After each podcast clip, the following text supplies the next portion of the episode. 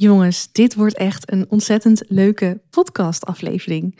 Eerlijk gezegd verbaas ik me erover dat ik dit uh, nog niet eerder heb opgenomen. Ik bedacht me namelijk, uh, jullie weten waarschijnlijk, of je weet waarschijnlijk als je deze podcast luistert, dat ik uh, enige tijd geleden, in 2017 was dat, de titel tot Nederlands kampioen in speechen heb veroverd. Geheel ook tegen mijn eigen verwachtingen in, eerlijk gezegd. Maar goed, daar heb ik al een keer een podcast aflevering over gemaakt. Dat is volgens mij de eerste waarin ik mezelf ook aan je voorstel. Ik bedacht me dat het wellicht leuk is om die speech die ik heb gedaan, meerdere keren, maar uiteindelijk natuurlijk ook in de finale, om je te vertellen wat nou de, de geheimen zijn van die speech die wat mij betreft hebben gemaakt dat ik die wedstrijd heb gewonnen. Nou, die ga ik je meegeven in deze podcastaflevering. Dus als jij nieuwsgierig bent naar wat die, uh, ja, wat, wat, wat mijn uh, speciale troeven waren, en als je daar ook van wil leren om toe te kunnen passen in je eigen presentatie, dan zou ik zeggen: blijf lekker luisteren. Ik ga mijn geheimen aan je onthullen.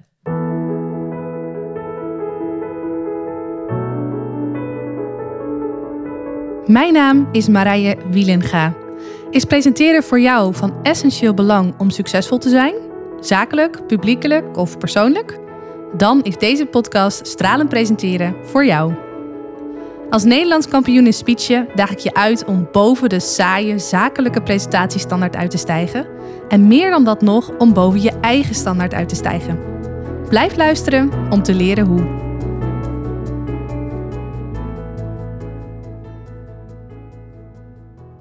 Nou, nogmaals heb ik dus al uitgebreid een podcastaflevering opgenomen over uh, het winnen van deze wedstrijd. Hoe, dat, hè, hoe ik Nederlands kampioen ben geworden. Het verloop van de wedstrijd, hoe dat ging. Ik heb ook al eens eerder een podcastaflevering opgenomen waarin ik je vertel, of waarin ik deel, hoe spiritualiteit voor mij heeft geholpen om on top of my game te blijven. Ook toen het spannend werd niet mezelf te verliezen in die spanning en in ook de onzekerheid van, oh jeetje, nou gaat het echt ergens naartoe? Kan ik dit nog wel dragen? Dat is podcastaflevering 33 en die heet Hoe je mentaal in control blijft als het spannend wordt. Maar ik ben dus nog nooit ingegaan op die winnende speech. Wat nou echt die golden nuggets zijn die jij kunt, uh, ja, die jij ook weer kunt toepassen om jouw speech wellicht uh, eens een keer anders te laten zijn dan dat je gewend bent. Dus dat wil ik met je delen in deze aflevering. Goed, ik heb voor het gemak even de link naar mijn speech opgenomen in de aantekeningen bij deze aflevering, bij de show notes, zoals ze dat dan zo mooi noemen. Dus uh, je kunt mijn winnende speech bekijken.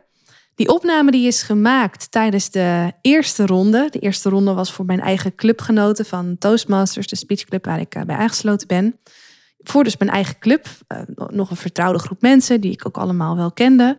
Ik had op dat moment ook nog helemaal niet per se voor ogen van, nou, ik ga straks, uh, ik ga voor het Nederlands kampioenschap. Nee, het leek me gewoon vooral leuk om mee te doen aan die wedstrijd. Maar dit was dus de eerste ronde. Uiteindelijk uh, heb ik hem drie of vier keer gedaan. Ik twijfel nu even. Maar ik heb hem dus vaker gedaan. En heb ik ook iedere keer mijn speech wat getweakt. Om te zorgen dat hij net weer beter was dan de vorige keer. Dat hij ook was aangepast op het andere publiek. Want je kunt je voorstellen dat als jij een speechwedstrijd doet voor je eigen club, die 15 tot 20 man groot is. Ik weet niet hoeveel mensen er precies op dat moment die avond in de zaal zaten. Dat het echt een ander verhaal is dan wanneer je uiteindelijk op dat hoogste niveau staat voor een zaal vol. Nou, hoeveel zou dat geweest zijn? Het was geen duizend man, zeker niet. Maar ik denk ergens tussen de 100 en 200 man. Even een hele grove inschatting, want ik vind het altijd heel moeilijk om een aantal mensen in te schatten. Maar in ieder geval echt in een theater, uh, op zo'n podium met zo'n uh, zo'n zo'n tribune die dan helemaal zo is opgeschoven, zeg maar. Dus echt voor het echi. Nou, dat vergde wel wat aanpassingen in mijn speech. Maar de basis van de speech is wel hetzelfde gebleven. Het doel van die boodschap, de inkleding daarvan is grotendeels hetzelfde gebleven. Dus ben je nieuwsgierig, kijk dan vooral even die winnende speech. En dan ga ik je nu uh, een vijftal geheimen ontrafelen. Of in ieder geval een vijftal punten bij langs. Die wat mij betreft hebben gemaakt dat ik deze speech, als ik met deze speech uh, Nederlands kampioen ben geworden. Want even voor de duidelijkheid, vooral in die allerlaatste ronde, toen dus alle uh, winnaars van de andere deelgebieden in Nederland samenkwamen. Ik namens mijn deelgebied en volgens mij nog zeven zes of zeven, misschien wel acht andere deelnemers van andere deelgebieden, toen die samenkwamen, Nou, dat niveau was behoorlijk hoog. er zaten ook echt mensen die ook al vaker dat niveau hadden bereikt en ook al eerder kampioen waren geworden. Dus ik voelde me daar in die finale behoorlijk nederig. En ik heb natuurlijk mezelf ook later wel afgevraagd van wow, oké, ja, tof. Ik, ja, goed, ik, schijnbaar kan ik dit supergoed. Maar hey, wat heeft nou gemaakt dat ik dan ook beter was dan die mensen die ook al vaker die titel op hun naam hebben gekregen? Nou, dat zijn dus uh, denk ik deze vijf dingen. Ik neem je mee. Wat je ziet bij het begin van mijn presentatie is dat ik al ver voor ik het podium pak de aandacht trek. En dat doe ik door de kleding die ik draag. Als je de speech hebt gezien, ik draag daar sportkleding. Nou, je kunt je voorstellen, bij zo'n wedstrijd is niet echt een gelegenheid waarbij je over het algemeen in je sportkleding heen gaat. Dus als je daar binnenkomt als contestant, dus het gaat allemaal op zijn Engels, de aankleding zelf over het algemeen is Toastmasters een, een Engelstalige speechclub. Een Nederlandstalige speech was een onderdeel van die wedstrijd, maar we worden dus over het algemeen in het Engels aangesproken, in dit geval als contestants ja, het was, er was geen andere contestant die ook sportkleding droeg. Dus ik trok gelijk de aandacht als in: hey, wat heeft zij nou? Gaat ze spreken? Uh, komt ze net uit de sportwedstrijd? Mensen werden wel nieuwsgierig bij het aanzien van mijn kleding op zich. En hier ga ik je ook gelijk weer even een verwijzing geven naar deze troef. Want ik heb dus kleding ingezet als troef. En ik heb hier ook een podcastaflevering over opgenomen. Dat is aflevering 39 en die heet Hoe je een van mijn favoriete spreektroeven in jouw voordeel laat werken. Maar goed, het gebruik, het, de inzet van kleding om onderscheidend te zijn, is denk ik een van de elementen waarmee ik uh, opviel ten opzichte van de andere 7, 8 contestants in deze wedstrijd. Ik deed verder tijdens die presentatie niks met kleding. Ja, ik startte door, uh, door ook sportbewegingen te maken. Jumping jacks deed ik maar verder, het was niet dat ik iets aandeed of uitdeed. Of, uh, nee, het ging er gewoon om dat ik een boodschap had waar mijn kleding heel goed bij paste.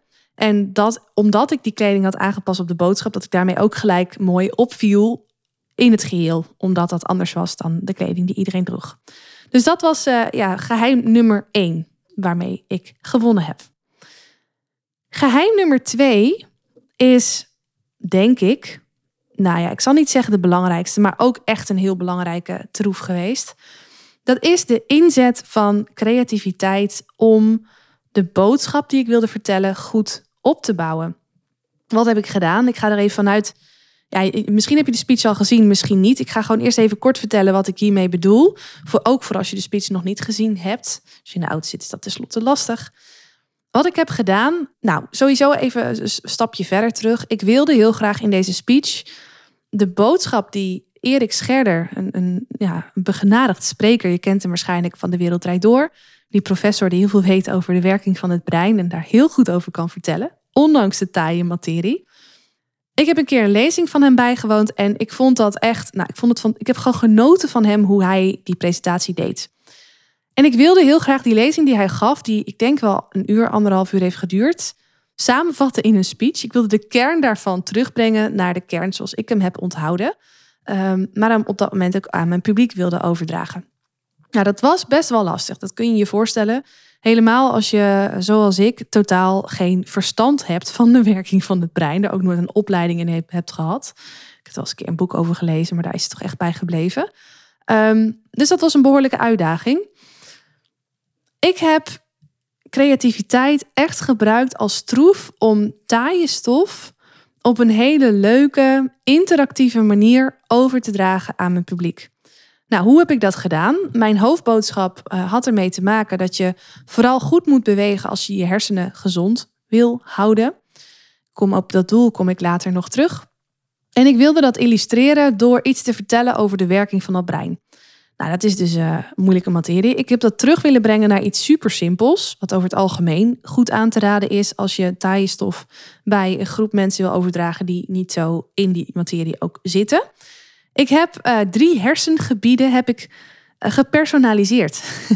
ik heb de amygdala, de frontale hoofdkwap en de neocortex was het volgens mij. Heb ik, heb ik een soort karakter gegeven. En die karakters die kwamen in twee of een drietal anekdotes kwamen die terug. hoe die zich verhielden, verhouden tot elkaar in relatie tot de situatie die zich op dat moment afspeelde. Nou, ik had dat met dit zo te kunnen bedenken, had ik dat op verschillende manieren kunnen doen. En de meest voor de hand liggende manier om dit te doen was door erover te vertellen. je hebt uh, dit hersengebied, je hebt dat hersengebied en je hebt dat hersengebied. Als dit gebeurt, dan zal het ene hersengebied dat doen, dan wil het andere hersengebied dat doen en het andere hersengebied wil dit doen. Ja, nou ja, je kunt je voorstellen op het moment dat die verbindingen niet goed zijn, dan falen je hersenen of dan is daar een knik in de kabel, waardoor je niet het gewenste effect hebt. Dat had ik gewoon zo kunnen vertellen. Dat was de meest makkelijke manier. Maar natuurlijk niet de meest leuke en lucratieve, interessante manier. Ik heb mijn creativiteit toegepast om dit net even anders te doen dan ieder ander dat op dat moment ook gedaan zou hebben. Ik heb namelijk een soort script uitgeschreven, heel kort, voor die amygdala, voor die uh, frontale hoofdkwap en voor die neocortex. Ik hoop dat ik ze nou goed uitspreek. en ik heb in het moment, ik, ik, ik, heb volgens mij twee anekdotes verteld. En ik heb het publiek mijn frontale hoofdkwap en mijn amygdala en die neocortex laten zijn. Door briefjes uit te delen van oké, jij bent nu in deze situatie eh, dit hersengebied, jij bent dat hersengebied. Ik legde de situatie uit die eh, mij was overkomen in dagelijks leven. Waarop mijn amygdala reageerde met, en dan wees ik naar het publiek, de persoon die de amygdala vertegenwoordigde op dat moment. En die moest dan voorlezen wat er op dat briefje stond. En dan moest die frontale hoofdkap, degene die dat representeerde, vertellen wat er op zijn briefje stond. En zo ontstond er dus een soort rollenspel in mijn speech. Ja, kom er maar op. Ik wil mezelf niet helemaal in de hemel prijzen, maar ik vond het eerlijk gezegd best wel ideaal hoe ik dat had bedacht. Niet per se makkelijk trouwens, maar dat is een verhaal apart. Daar heb ik gelukkig ook heel goed kunnen oefenen. Maar dat maakte het wel echt super creatief. Mensen waren ondanks de materie echt verrast in hoe ik die speech heb opgebouwd en hoe ik daar juist ook echt creativiteit in heb gebruikt om die boodschap op een leuke, luchtige, pakkende manier over te brengen die ze ja, niet zo snel zullen vergeten. Uiteindelijk wil je dat natuurlijk graag, dat je hoofdboodschap blijft plakken. Dus dat was denk ik mijn derde win, dat ik dus echt creativiteit voor me heb laten werken. Creativiteit is ook een van mijn kernwaarden, staat in mijn top 5 van kernwaarden. Dus ik word er echt heel erg blij van als ik die, ja, die waarden ook tot uiting kan laten komen in het werk dat ik doe. En ja, dat geldt voor het werk dat ik doe voor mijn klanten, maar dat geldt ook voor mijn eigen speeches. Het is niet altijd makkelijk, maar als het dan lukt, ja, dan ben ik echt super blij. En dat straal ik natuurlijk dan wellicht ook uit het podium. Dat spat er dan ook vanaf. Dus dat helpt ook mee. De derde win of de derde troef, of hoe je het maar wil noemen, heeft te maken met de, ja, de vaardigheid eigenlijk om een complex verhaal simpel uit te leggen. En dit is iets waarvan ik echt heb gemerkt, wat ik zelf heel moeilijk vind, maar wel heel veel beter in ben geworden. En nu durf ik oprecht te zeggen, echt heel goed in ben. Maar waarvan ik zie dat echt iedereen daarmee worstelt. Zowel beginnende als meer ervaren sprekers. Zowel mensen die het niet zo leuk vinden als om te presenteren, als mensen die dit wel heel erg leuk vinden om te presenteren. Nou, waarom? Ook dit heb ik wel eens vaker verteld in mijn podcast, is dat als je ergens over mag spreken, is de kans groot dat je hier uh, veel vanaf weet. In combinatie met dat je waarschijnlijk ook nog eens veel passie voelt voor dat onderwerp. En als je ze allebei voelt, wat dus zeer aannemelijk is, zul je geneigd zijn om van alles te willen vertellen, terwijl meer is niet altijd beter. Vaak niet zelfs. Less is more, zeggen ze niet voor niets op zijn Engels. Je kunt vaak beter minder vertellen en daar voldoende diepgang in aanbrengen, dan dat je te veel vertelt, daarin geen nuance kan maken, daarin ehm, een beroep doet op het geheugen, wat, wat eigenlijk niet haalbaar is, en waarbij je de aandacht van je publiek verliest. Ook al weten de meeste mensen dit, ook mijn klanten die weten dit, bedoel het is een stukje theorie, dat, nou, dat weet je op een gegeven moment. Toch zul je heel makkelijk in de verleiding komen om toch net even dat ene andere voorbeeld erbij te halen. Of net even die ene anekdote. Of net even dat andere feitje wat je toevallig gisteren nog in de krant had gelezen. Of waar je toevallig nog met die collega over had eergisteren bij het koffieautomaat. Het is heel verleidelijk, zelfs als je je verhaal goed hebt opgebouwd, om in het moment toch nog even door te gaan op dat ene onderwerp. Of als er een vraag is gekomen, dat je daar net even wat uitgebreid op ingaat. En het kan voor jou als spreker heel leuk voelen. En good for you, leuk dat het zo is. Maar als je je publiek kwijtraakt, ja, dan, dan, eh, ja, dan is het leuk dat jij er plezier aan hebt gehad, maar dan bereik je er niks mee. Ik ben in mijn speech in staat geweest om een zeer complex verhaal van anderhalf uur, waar die man ook echt allemaal afbeeldingen bij had en allemaal moeilijke termen bij had, die die overigens heel leuk bracht, om dat terug te brengen naar een super kernachtige boodschap met twee anekdotes die mijn punt illustreerden. En een stuk creativiteit om dat uiteindelijk ook rond te maken, om dat ook passend te maken. Dus ik ben in staat geweest om een heel complex verhaal terug te brengen naar eenvoud. Dat is eigenlijk wat ik wil zeggen. Echt een lastige. Kill your darlings, choose your battles. Dat zijn ook twee van die Engelse termen die ja, echt opgaan. Je moet uit alle dingen die je super leuk vindt toch een keuze maken.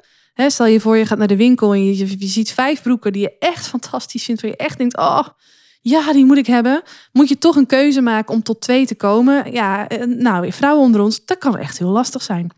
Dus ehm, dit is uitdagend en dit blijft uitdagend. En ik ben heel erg blij dat ik bij deze presentatie in staat was om dit voor elkaar te krijgen. Want geloof me, dat ging niet vanzelf. Sowieso is misschien wel leuk om even een inkijkje te geven in mijn uh, creatieproces als ik een presentatie voorbereid. Hoe het voor mij werkt, is dat ik op een gegeven moment ehm, heb, uh, ja, ik heb de voorbereiding getroffen, ik heb de opbouw gemaakt.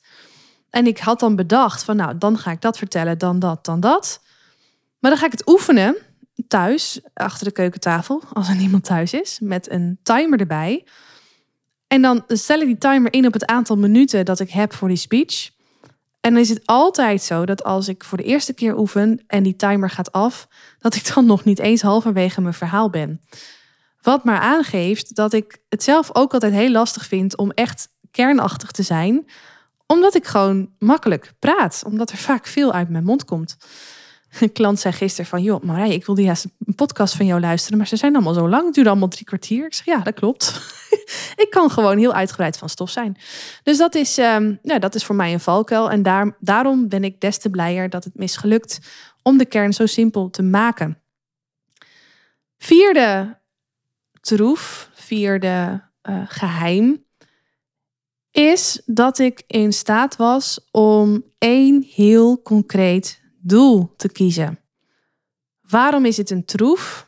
Het is een troef omdat ik merk, ook juist bij mensen die heel goed kunnen speechen, kunnen presenteren, die beheersen de skill van het vertellen van verhalen vaak heel goed. En ik ga heel goed op verhalen. Ik vind het fantastisch om naar verhalen te luisteren. Uh, ik leer het mijn klanten ook graag om goed verhalen te kunnen vertellen. Maar goede speech bestaat echt niet alleen uit het vertellen van een goed verhaal. Want uiteindelijk, het verhaal moet goed zijn. Ja, je wil ze raken, je wil ze meenemen, je wil ze boeien. Maar minstens zo belangrijk is dat, verhaal, dat dat verhaal ergens toe leidt. Dat je tot een bepaald punt komt waarmee je uiteindelijk die mensen in actie wil zetten. Om iets te gaan doen, ofwel iets te gaan laten, of iets nooit meer te vergeten. En je wil ook dat met dat verhaal dat dat doel blijft hangen. Niet voor een half uurtje, maar dat ze ook na een week nog kunnen terugdenken aan die speech of die presentatie misschien niet letterlijk kunnen herhalen wat er allemaal uh, aan fundament onder lag, welke argumenten er allemaal aan dat, dat doel uh, te grondslag lagen. Maar dat ze wel kunnen zeggen: Oh ja, het was, het was belangrijk om, om te bewegen. Ja. ja, ik weet niet meer precies waarom, maar ja, ik weet nog wel dat het had met een bewegen te maken. En het was echt heel belangrijk voor je hersenen dat je goed beweegt iedere dag. Mijn letterlijke doel was volgens mij ook beweeg iedere dag 30 minuten. Want dat is ook wat hij Erik Scherde heel duidelijk naar voren liet komen in zijn, in zijn, in zijn lezing. Dus die heb ik gewoon zo overgenomen. Van beweeg iedere dag 30 minuten om je hersenen gezond te houden. En in dat middenstuk heb ik geïllustreerd wat er dus kan gebeuren. Hoe het eruit ziet als je hersenen niet goed met elkaar in verbinding zijn.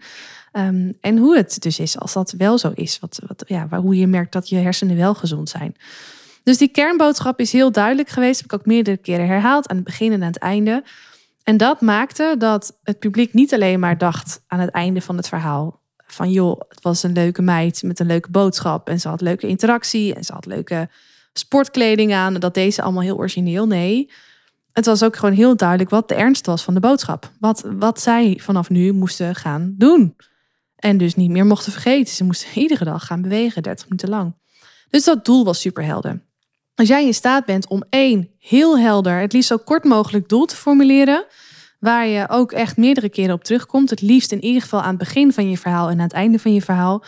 Als je in staat bent om dat te doen, dan heb je al een hele grote win voor het geven van een impactvolle presentatie of speech. En dan het laatste. En dat laatste leunt een beetje aan het tweede punt. Gaat namelijk ook weer over creativiteit. Wat goed is om te weten, is dat mensen, luisteraars, heel goed gaan op een rond verhaal. Als je eindigt met je verhaal, is het uh, goed dat je nou, je doel nog een keer hebt herhaald, en misschien nog een samenvatting hebt gegeven. Maar wat je ook vooral niet moet vergeten, is dat als jij weer terugkomt op datgene waarmee je begonnen bent, dat dat een soort psychologisch schouderklopje is voor je publiek. Waarmee je aangeeft, oké, dit is het einde van de presentatie. En weet je nog, hier zijn we zoveel minuten geleden of zoveel uur, nee, uur is onzin, maar zoveel minuten geleden mee begonnen. Weet je het nog? Nou, het feit dat ik daar nu mee kom, voelt als een, het verhaal is rond. Het voelt als een, een, een het, het, de behoefte is vervuld of zo. Is een psychologisch schouderklopje voor het feit dat men heeft geluisterd en dat men heeft onthouden waar je speech mee begonnen is. Nou, dat heb ik ook gedaan. Ik uh, kwam op en ik begon niet gelijk met praten, maar ik begon met het uh, doen van jumping jacks om de aandacht te trekken. En daar ben ik ook mee geëindigd. Uiteindelijk vatte ik mijn verhaal samen um, en kwam ik nog één keer terug op die kernboodschap van joh, wees, wees je dus van bewust dat het belangrijk is dat je 30 minuten per dag beweegt, achter elkaar door. En als je dat doet, dan uh, blijf je hersenen gezond. Ik weet niet meer precies wat ik letterlijk zei. Maar dat laatste zei ik ook alweer jumping, jackend of lopend. Ik, nou, ik, maakte in ieder geval een beweging om dat sportieve weer terug te laten komen. En daarmee was het verhaal rond. En ook dat getuigt van. God, nou lijkt het echt alsof ik mezelf heel erg veel schouderklopjes geef. Nou, mag ik ook doen, hè? Mag ik doen. Ja, ik heb niet voor niks die wedstrijd gewonnen. Ik pak hem gewoon even lekker, dit moment. Dus um, ja, geniaal gewoon dat ik het verhaal ook daarmee rond heb gemaakt. Dat is echt, als je dat doet, dat getuigt echt van professionaliteit. Dat je echt heel bewust nadenkt over de opbouw van die boodschap. En je ook bewust bent van hoe, hoe uh, vervullend het is voor je publiek als je de boel rondmaakt. Oké, dat waren ze. Mijn, uh, mijn vijf geheimpjes, mijn vijf troeven. Die wat mij betreft hebben gezorgd voor het winnen van deze wedstrijd.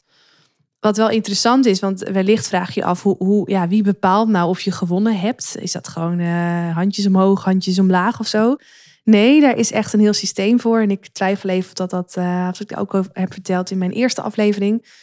Maar er zitten in de zaal zitten een aantal juryleden. Die zijn uh, gevraagd van tevoren. Wij deelnemers weten niet wie dat zijn. Die juryleden hebben een ballot, heet het ook op zijn Engels. Dat heet op zijn Nederlands, weet ik even niet. Maar het is een, een lijst met dingen waar ze, uh, waar ze mij en andere contestants op moesten beoordelen. En de onderwerpen waar ze op moesten beoordelen zijn heel variërend. Die gaan bijvoorbeeld over actualiteit, die gaan over het gebruik van je stem, die gaan over creativiteit. Nou, ik, ik weet het niet precies uit mijn hoofd, maar het is echt een lijst van nou 10 tot 20 dingen, denk ik. Ik hoop dat ik het nu goed zeg. Ik ben wel jurylid geweest namelijk, dus ik moet even goed graven. Maar het is best wel een lange lijst van, van, van onderdelen die maken dat een speech goed is of niet. Je moet ze allemaal los van elkaar beoordelen met uh, eh, 0 tot zoveel punten. Dus je kunt maximaal zoveel punten per onderwerp toekennen en minimaal 0, geloof ik. En uiteindelijk is het gewoon een optelsom van al die punten. En daar komt dan een cijfer uit tot 100.